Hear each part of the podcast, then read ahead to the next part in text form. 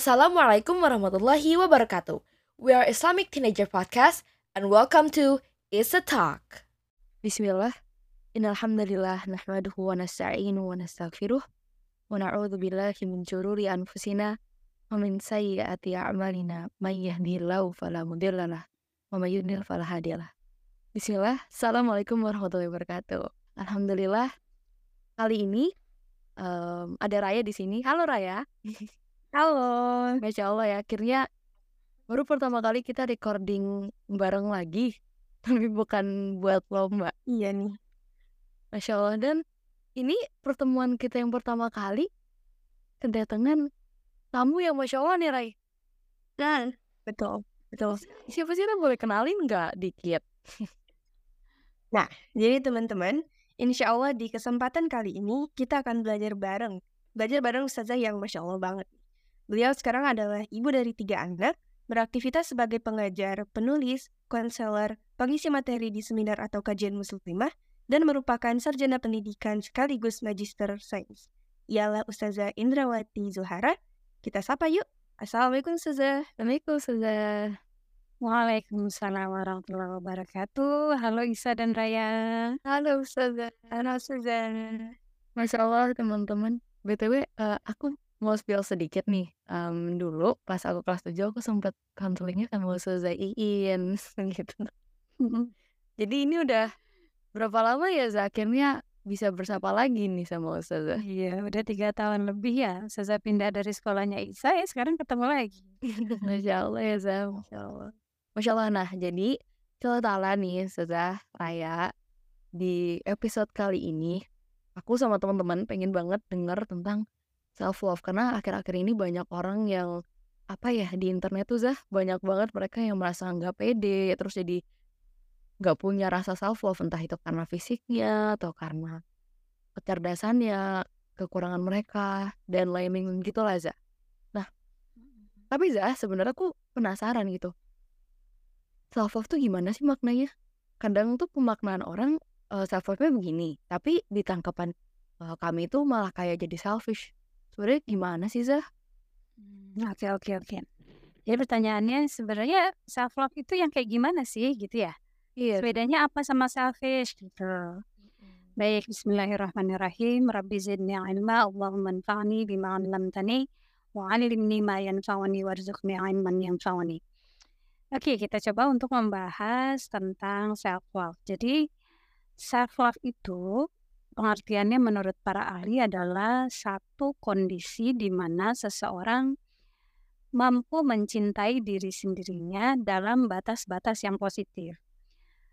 Kecintaan terhadap diri sendiri itu terlihat dari bagaimana dia menghargai dirinya sendiri. Menghargai ini beda dengan selfish jelas ya. Nanti kita jelaskan bedanya di mana. Kita bahas dulu tentang self love-nya. Jadi orang yang sudah mencintai dirinya sendiri itu otomatis adalah orang yang sudah mengenali dirinya sendiri, baik itu kekurangan maupun kelebihannya, gitu. Dan orang yang sudah mencintai dirinya sendiri itu adalah orang yang sudah paham bahwa kita itu diciptakan oleh Allah. Setiap manusia itu diciptakan dengan kelebihan dan kekurangan. Gak mungkin ada orang yang diciptakan dengan kelebihan aja. Tidak mungkin ada orang diciptakan hanya dengan kekurangan saja, nggak mungkin. Dua hal itu, itu pasti berdampingan. Ada kekurangan, ada kelebihan.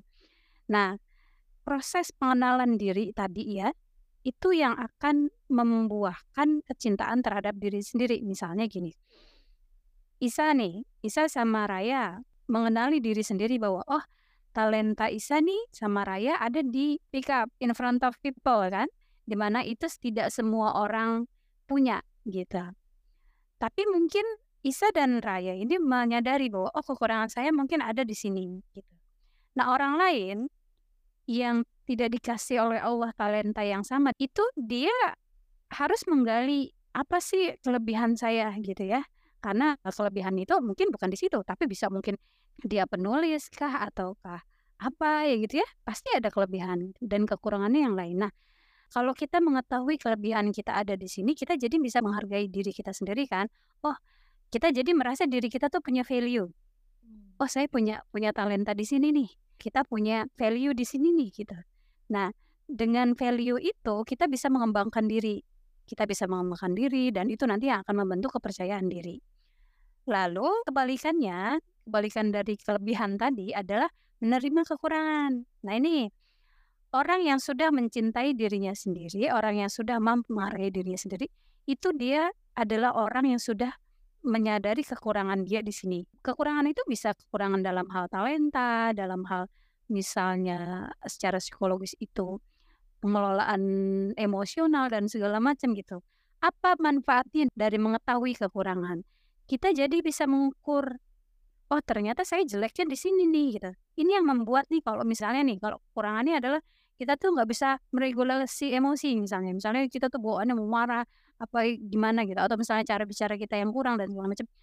Ketika kita berkonflik dengan orang lain, kita akan menyadari oh iya kekurangan saya di sini nih gitu. Berarti kita punya kesadaran diri untuk memperbaiki diri gitu ya. Nah, itu manfaat dari mengetahui kekurangan dan menerima kekurangan itu seperti itu. Kemudian yang kedua, manfaat lain mengetahui dan menerima kekurangan itu adalah tidak menjadikan diri kita sombong, ya kan? Karena tadi kita paham kalau misalnya kita tahu itu cuma oh gue lebih nih gitu, gue orang kaya, gue pinter, gue bisa ini, gue bisa itu gitu. Tapi dia nggak sadar kalau di balik kelebihan yang sebanyak-banyak yang ditampilkan oleh seseorang, dia pasti punya kekurangan karena dia sudah ketentuan Allah tuh begitu gitu, ditakdirkan pasti begitu. Nah, ketika seseorang menyadari oh saya juga punya kekurangan kok gitu, otomatis dia jadi nggak meremehkan orang lain gitu.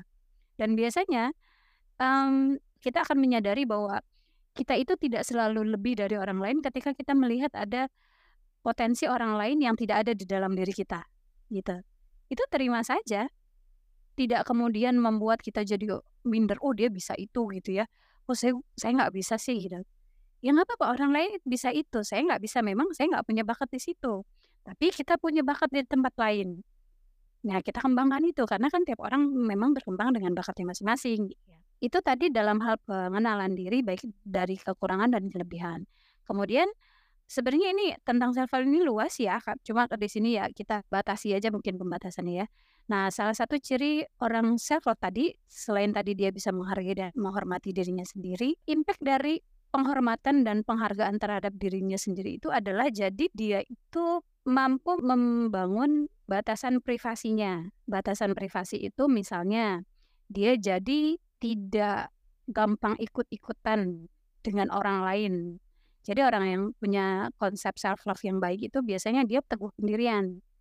Teguh pendirian kalau dia sudah yakin uh, ini biasanya kalau keyakinan ini ini kalau kita buat orang yang beriman keyakinan ini harus ditopang oleh kebenaran syariat ya. Karena kalau kebenaran logika itu kan subjektif ya gitu. Jadi bisa beda-beda nih. Ini kalau kita sudah yakin bahwa menurut syariat seperti ini kemudian kalau ada hal yang itu lebih bersifat pribadi ya menurut saya seperti ini saya merasa nyaman nih seperti ini. Kemudian ada orang yang memaksakan kehendak kepada kita atau ngajak kita kita berani nolak. Nah itu orang-orang yang sudah mencintai dirinya sendiri itu gitu. Kenapa berani nolak? Karena dia tahu bahwa kalau dia menerima ajakan atau permintaan orang lain itu dirinya akan tersiksa gitu. Dirinya akan tersiksa jadi dia happinessnya menguap gitu. Karena kan kalau self love tadi ya, namanya kita cinta sama orang. Gini aja deh kita bayangin ini gini. Kalau kita cinta sama orang, yang ingin kita lakukan terhadap orang lain itu adalah kita melakukan hal yang terbaik ya kan. Kita pengen ngebahagiain orang itu, kita pengen ngebanggain orang itu ya kan. Misalnya kalian cinta sama orang tua nih. Kan pasti yang dalam pikiran kalian kan gitu ya gimana caranya ngebahagiain orang tua, gimana caranya ngebanggain orang tua, berbuat baik. Nah, begitu pula ketika kita mencintai diri kita sendiri bagaimana caranya membahagiakan diri kita, menjaga kesehatan mental kita, bagaimana membuat diri kita bangga terhadap diri kita tanpa merasa tadi, tanpa merasa kita tuh adalah orang terhebat gitu. Karena tadi kita juga menerima kekurangan, kita tuh punya kekurangan gitu, kita punya kekurangan ya udah nggak apa-apa. Orang yang sudah berbahagia itu adalah orang yang sudah baik-baik saja dengan kekurangan dirinya gitu. Artinya kekurangan ini di sini bukan suatu kesalahan ya. Kekurangan dan kesalahan itu beda. Kalau kesalahan harus di perbaiki. Tapi kalau misalnya kekurangan ya kalau memang kita tidak mampu di situ tidak usah dipaksakan gitu. Karena pasti ada hal lain yang bisa kita improve gitu. Nah, kemudian bedanya apa dengan self nih? Kalau selfish, kalau tadi kan self love itu kan adalah hal-hal yang mendorong kepada hal-hal positif, ya kan? Kita bisa jadi menghargai diri sendiri, kita bisa mengenali diri sendiri, kita bisa menghormati diri sendiri, dan sekaligus tadi ketinggalan. Sekaligus ketika kita sudah bisa menghormati diri sendiri, ternyata self love itu juga mampu melahirkan rasa hormat terhadap orang lain. Karena apa? Ketika kita tahu bahwa sebagai manusia kita tuh pengennya begini loh, kita pengen dihormati, kita pengen dihargai, kita tidak mau di acak-acak nih privasinya gitu. Kita juga akan memperlakukan orang lain seperti itu gitu. Oh berarti orang lain juga kayak gitu. Orang lain juga nggak mau dipaksa-paksa, orang lain juga nggak mau dihina dan segala macam. Nah itu kalau sudah begitu artinya self udah benar. Nah bedanya apa dengan selfish? Kalau selfish itu adalah hal-hal yang berkaitan dengan mementingkan diri sendiri. Kalau tadi kan self mencintai diri sendiri ya, menghargai diri sendiri. Kalau selfish itu dia mementingkan diri sendiri. Jadi terserah aja orang mau ngapain pokoknya apa yang gue mau harus tercapai apa yang gue bilang lu harus ngikut. Nah itu selfish gitu ya. Jadi kalau selfish tadi ke sana. Dan selfish ini jadi toxic. Toksiknya gimana? Toksiknya itu kalau dia sudah emosi di situ sudah ada intimidasi di situ memaksakan diri gitu memaksakan tanda kepada orang lain gitu ya nah itu jadi selfish kalau contohnya misalnya gini kalau ada di rapat nih ada orang nih yang mengutarakan pendapat. Gimana kalau menurut saya begini nih, kalau orang itu sampai maksa, marah nih kalaupun pendapatnya nggak diterima, dia walk out, itu udah selfish. Tapi kalau misalnya dia berusaha meyakinkan, apalagi kalau itu tentang benar dan salah ya gitu, dia berusaha meyakinkan bahwa ini bagus loh, misalnya dengan pemaparan argumentasi yang baik, kemudian kalimat yang baik, emosinya normal, demi untuk berniat bahwa memajukan apa yang ingin dicapai. Dan ketika ada orang-orang yang misalnya bertanya atau kontra dia masih bisa menjawab dengan proporsional itu masih bisa dikatakan self love gitu. Karena itu dia meyakini apa yang menurut dia benar tapi dia tidak memaksakan orang lain untuk bisa sama dengan dia kalau orang lain nggak terima ya udah nggak apa-apa gitu berarti menghargai gitu ya saya iya kalau self love itu ya tapi kalau selfish enggak kalau selfish maksa dia gitu. Makanya kalau selfish selalu berkaitannya dengan emosi biasanya. Tapi kalau self love enggak. Bahkan ada istilah orang-orang yang bisa melepaskan dengan cinta, ada misalnya gitu ya. Ya udah sih gitu atau misalnya bagaimana gitu ya. Tapi dia tetap melepaskan dia dia mundur atau gimana tapi dia tetap mendoakan segala macam. Karena apa? Dia menjauh dia melepaskan itu karena kalau dipaksakan nanti akan ada dua hati yang terluka. Lah kok jadi begini ya bahasannya? Maksudnya akan ada hati yang terluka baik hatinya maupun hati orang lain gitu. Baik itu di organisasi atau buat apa gitu. Ya udah nggak apa-apa gitu. Yang penting kan niat saya baik untuk masukan gitu. Nah jadi tadi nah tapi hati-hati nih ketika kita membangun self love itu bisa emang Hmm, bisa banget kejebak selfish tuh bisa banget. Caranya gimana untuk membedain antara self love dan selfish? Untuk bisa nih udah bisa ngedeteksi nih, kita nih lagi self love atau lagi selfish. Ya lihat aja.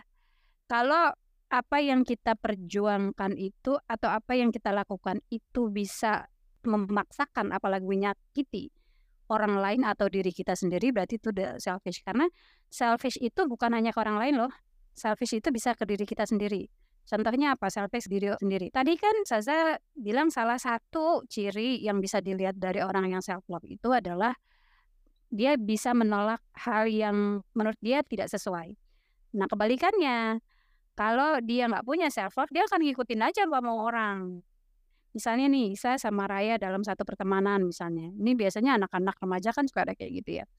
Jadi demi bisa masuk ke suatu geng atau suatu kumpulan gitu, dipaksa tuh harus begini harus begini harus begini harus begini sama ketua gengnya nih biasanya kalau enggak kena bully kalau enggak ya akhirnya dengan segala kesengsaraan hati dengan apa gitu ngikutin aja yang penting dapat aja yang penting dapat validasi yang penting dapat temen gitu pengakuan dari orang lain bahwa kita tuh punya temen gitu nah itu pertama orang yang ada di geng itu atau di kumpulan itu jelas selfish terhadap orang-orang yang seperti itu yang kedua, kalau ada orang yang memaksakan diri untuk masuk ke situ padahal itu menyakiti dirinya sendiri, merusak prinsip hidupnya sendiri, berarti dia selfish sama dirinya sendiri gitu.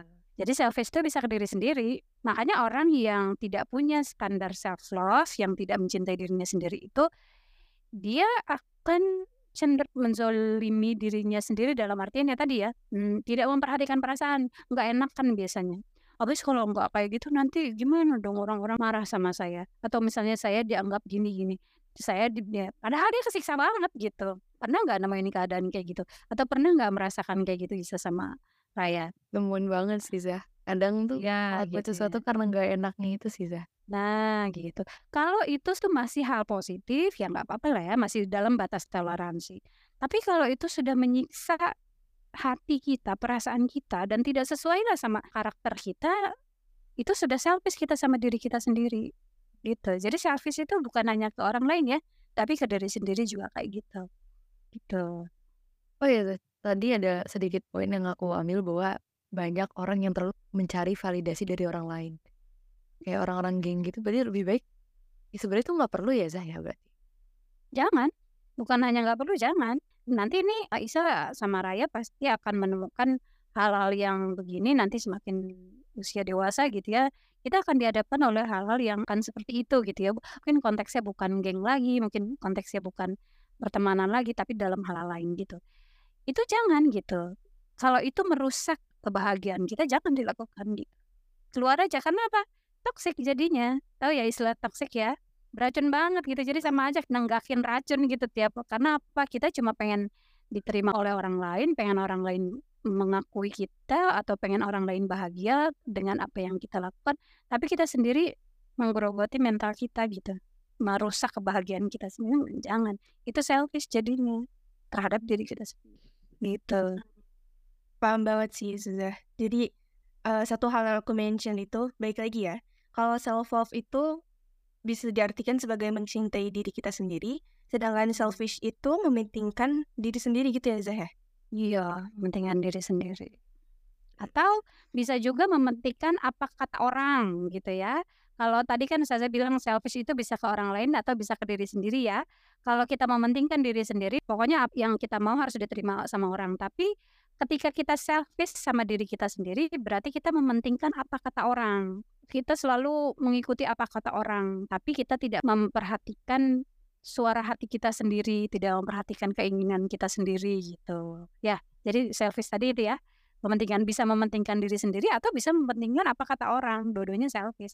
Kalau mementingkan diri sendiri berarti kita menyakiti orang lain. Kalau mementingkan apa kata orang, kita menyakiti diri kita sendiri. Kita selfish terhadap diri kita sendiri gitu. Hmm, Paham sih Zuzah. Tapi aku penasaran deh Zuzah. Emangnya Islam itu ngajarin kita buat self love ya? Atau gak boleh selfish gitu? Dan ada gak sih ayat yang berhubungan dengan self love versus selfish ini? Eh, dalam hadis qudsi, saya pernah baca nih ada yang berbunyi barang siapa mengenal dirinya maka dia akan mengenal Robnya. Tadi kan konsep self love itu kita bahas self love-nya dulu ya. Konsep self love itu adalah kan mengenali diri. Nah ternyata dalam hadis itu dalam syariat itu dinyatakan bahwa ketika seseorang sudah mengenali dirinya sendiri maka dia otomatis akan mengenali Allah. Ini udah jelas banget. Makanya self love itu sebenarnya ujungnya adalah puncaknya adalah rasa syukur. Kok bisa rasa syukur? Iyalah. Kita bisa tahu bahwa misalnya nih bisa sama Raya bisa mengetahui bahwa potensi kita tuh ternyata sama Allah dikasih begini. Ya, bisa bikin podcast, bisa bis ini ini itu gitu ya. Pasti ada rasa syukur kan? bersyukur Ya nggak? Iya. Pasti kan ya Allah terima kasih gitu gitu gitu gitu gitu ya. Nah itu gitu. Nah, nanti kita gali lagi eh, diri kita oh ternyata hmm, kita tuh punya potensi di sini kita. Dan satu hal yang paling tinggi sebenarnya rasa syukur kita adalah kalau kita benar-benar paham sebagai umat Islam nih ya apa coba rasa syukur tertinggi kita sebagai umat Islam? Bersyukur karena beriman. Ya nggak sih? Nah, iya iman dan Islam itu kan karena tidak semua orang dikasih hidayah kan. Nah, bagaimana kita bisa menyadari pentingnya iman buat diri kita kalau kita tidak menyadari efek dari iman itu terhadap hidup kita ya kan? Kita berpikir nih, wih kalau kita nggak punya tuntunan, nggak punya syariat gitu ya, oh kita mungkin udah hidup bebas banget, udah ancur-ancuran. Tapi karena ada Allah yang as a guidance gitu ya, ada syariat Islam, ada Al-Quran, dan segala macam yang membimbing kita dalam hidup ini kan, kemudian kita bersyukur, wah Alhamdulillah kita tercipta sebagai umat Islam. Sebagai kita tercipta dengan orang yang sedang membangun keimanan. Ya, kalau saya sih nggak berani mengatakan bahwa kita ini orang beriman karena yang bisa mengatakan menilai itu menurut saya hanya Allah. Kita sedang berusaha untuk membangun keimanan tadi. Gitu ya. Nah, tadi itu akhirnya apa puncaknya tadi kita bisa mengenalin Allah gitu. Kita bisa oh ternyata begini ya. Kita diciptakan kemudian nanti kita akan berpikir bahwa semakin dalam kita tuh diciptakan untuk apa sih gitu. Udah itu nanti rasa syukur kedekatan sama Allah tuh seharusnya terbangun dari rasa self love itu gitu. Kemudian ada lagi dalam surat Ibrahim ayat 7 firman Allah syakartum la wa kafartum inna iya. Tadi karena self love ini menggiring kepada rasa syukur, banyak deh ayat dalil-dalil tentang syukur ini mau hadis mau ayat banyak banget. Karena tadi menggiring ke, kepada rasa syukur ya otomatis banyak ya ininya, terutama ini nih, itu udah perintah Allah banget syukur ya iyalah orang udah dikasih kita tuh sebenarnya hidup kita ini kan dikasih sama Allah kan kita dikasih nyawa kita dikasih raga dan segala macam itu dikasih ini tuh pemberian dari Allah Allah udah ngasih kesempatan kita hidup gitu terus kita nggak berterima kasih oh, wish bangetan banget kan? Ya nah gitu. Iya. Jadi relate banget ini sebenarnya dengan konsep self love tadi. Terus lagi ini yang menurut saya sih poin paling penting banget gitu ya untuk isyarat self love ini. Dalam Quran surat At-Tin Allah berfirman A'udzubillahi minasyaitonirrajim. Laqad khalaqnal insana fi ahsani Ya, sesungguhnya kami telah menciptakan manusia dalam sebaik-baik penciptaan dengan bentuk yang sebaik-baik. Ini garansi dari Allah langsung bahwa semua makhluk Taruhlah kita ngebahas manusia sekarang. Semua manusia yang diciptakan oleh Allah ini bagaimanapun bentuknya itu adalah bentuk terbaik versi Allah. Gitu. Mau kita kulitnya hitam, mau kita kulitnya putih, mau kita hidungnya mancung, pesek, segala macam, itu adalah versi terbaik menurut Allah.